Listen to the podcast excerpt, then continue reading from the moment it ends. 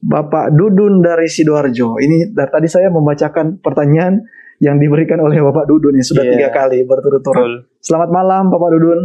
Uh, mudah-mudahan pada malam hari sedang menyaksikan program tajam juga. Selamat malam pendeta dan redaksi tajam. Saya mau bertanya, apakah hukum Allah itu sama dengan hukum Taurat? Silakan Pak Pendeta. Terima kasih untuk pertanyaannya. Apakah hukum Allah itu sama dengan hukum Taurat? Uh, dalam bahasa Indonesia, hukum Taurat ada dua kata, tetapi dalam bahasa Ibrani sebenarnya hanya ada satu kata saja, yaitu kata Torah. Torah itu diterjemahkan dalam bahasa Indonesia dengan dua kata, yaitu hukum Taurat. Ya, dalam bahasa Yunani ya nomos ya hukum Taurat nomos.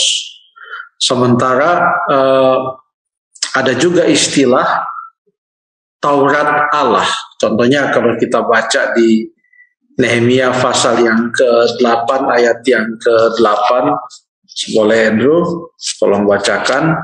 Nehemia pasal yang ke-8 Nehemia pasal yang ke-8 ayat yang ke-8 Baik, pendeta. yang mengatakan saya bacakan Oh, silakan pendeta. eh, Oke, silakan baca silakan. Ayat yang ke-9 lah, 9. Neha- Nehemia 8 ayat yang ke-9 pendeta ya. Iya, betul. Oke, baik. Nehemia Nehemia 8 ayatnya yang ke-9 bagian-bagian daripada kitab itu yakni Taurat Allah dibacakan dengan jelas dengan diberi keterangan-keterangan sehingga pembacaan dimengerti. Terima kasih. Di sini disebut Taurat Allah. Hmm. Ya, jadi bukan hanya ada istilah hukum Taurat, ada juga istilah Taurat Allah. Karena Taurat itu memang diberikan oleh Allah. Jadi ada lima buku Musa itu disebut sebagai Pentateuch, lima buku Musa itu juga disebut sebagai kitab-kitab Taurat. Lima buku Musa itu.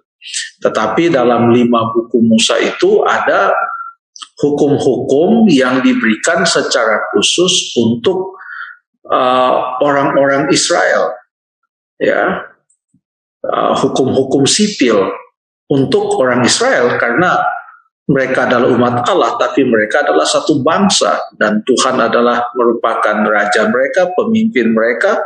Kepada mereka diberikan aturan-aturan, aturan-aturan sosial, apa yang harus dilakukan jika begini, jika begitu, dan lain sebagainya. Ada juga hukum-hukum upacara, Torah yang ada kaitannya dengan upacara-upacara yang pusatnya adalah pada kemah suci atau pada bait suci dan upacara-upacara tersebut menunjuk kepada Yesus Kristus anak domba Allah yang akan mati di atas kayu salib. Ya. Jadi apakah sekarang hukum sipil orang Israel pada zaman Musa itu berlaku untuk orang Kristen sekarang? Tidak karena itu memang hanya untuk orang Israel pada saat itu Mungkin prinsip-prinsip dari hukum-hukum itu boleh kita ambil, prinsip-prinsip tentang keadilan, kemurahan hati, dan lain sebagainya. Bagaimana dengan hukum upacara? Semenjak Tuhan Yesus mati di atas kayu salib, maka hukum-hukum upacara itu tidak lagi kita lakukan.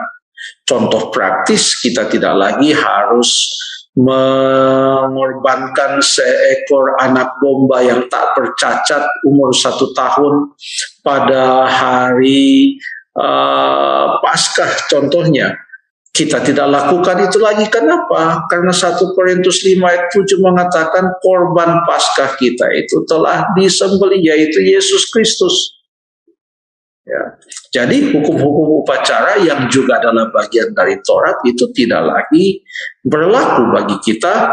Demikian juga uh, hukum-hukum sipil untuk orang-orang Israel tidak berlaku bagi kita. Sekalipun prinsip-prinsipnya banyak yang bagus-bagus yang boleh kita lihat dan prinsip-prinsip itu diulang juga di dalam perjanjian baru. Tapi ada satu bagian dari Taurat itu yang betul-betul tetap berlaku sekarang ini, itulah yang disebut dengan sepuluh firman. sepuluh firman yang ditulis pada dua loh batu yang disimpan dalam tabut perjanjian tersebut.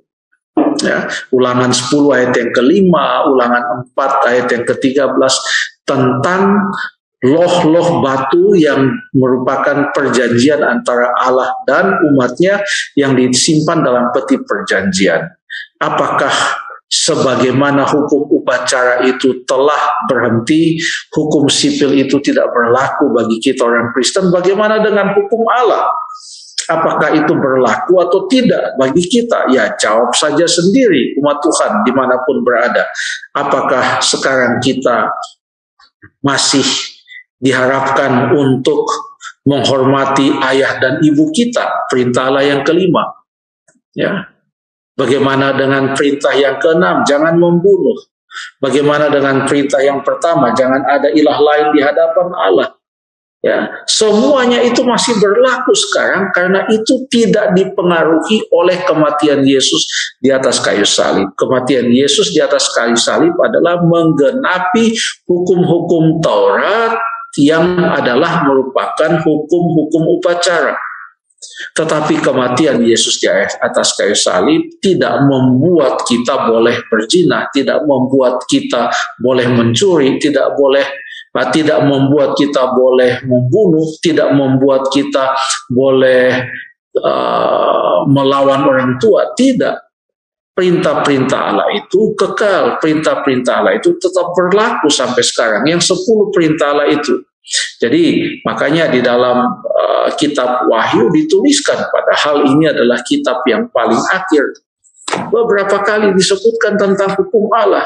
Contohnya di dalam Wahyu pasal yang ke-12 tadi sempat saya singgung ini pada waktu uh, digambarkan siapakah umat Allah yang ada di zaman akhir ini dikatakan dalam Wahyu pasal yang ke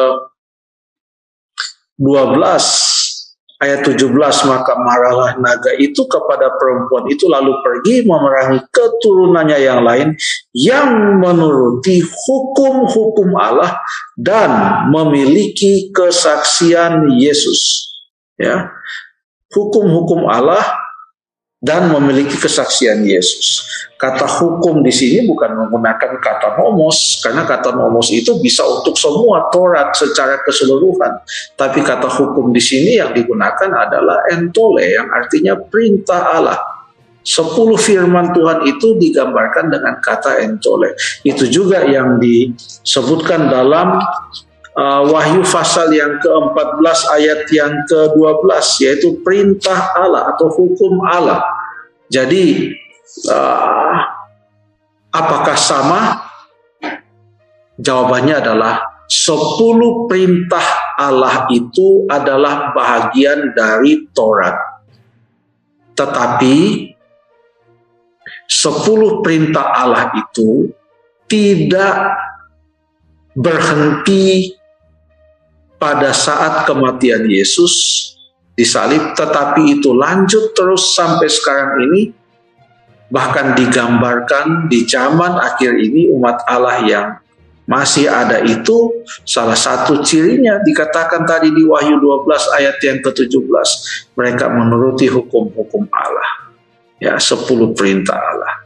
Jadi uh, kurang lebih uh, demikian yang boleh saya sampaikan. Terima kasih